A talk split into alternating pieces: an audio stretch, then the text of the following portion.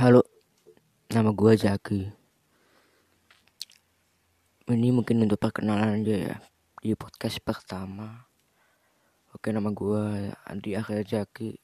Gue tinggal di Salatiga. Gua suka hobi musik sih. Musik gue suka cerita-cerita. Gue lebih suka mendengarkan orang cerita sih sama orang yang meminta pendapatku dan hidup gue itu adalah musik. Musik musik musik hanya musik. Dan gue ingin buat podcast ini karena gue ingin banget suatu saat nanti podcast ini terkenal. Pengen banget kayak teman tidur atau Radia Dika dia buat podcast. Gue pengen cerita aja ke orang lain. Gue pengen cerita ke orang lain. Kalau gue punya pengalaman pengalaman kayak gini kalau punya pengalaman yang keren kirimin ke email gue aja onlylife40 lalu gue bakal ceritain di sini ya.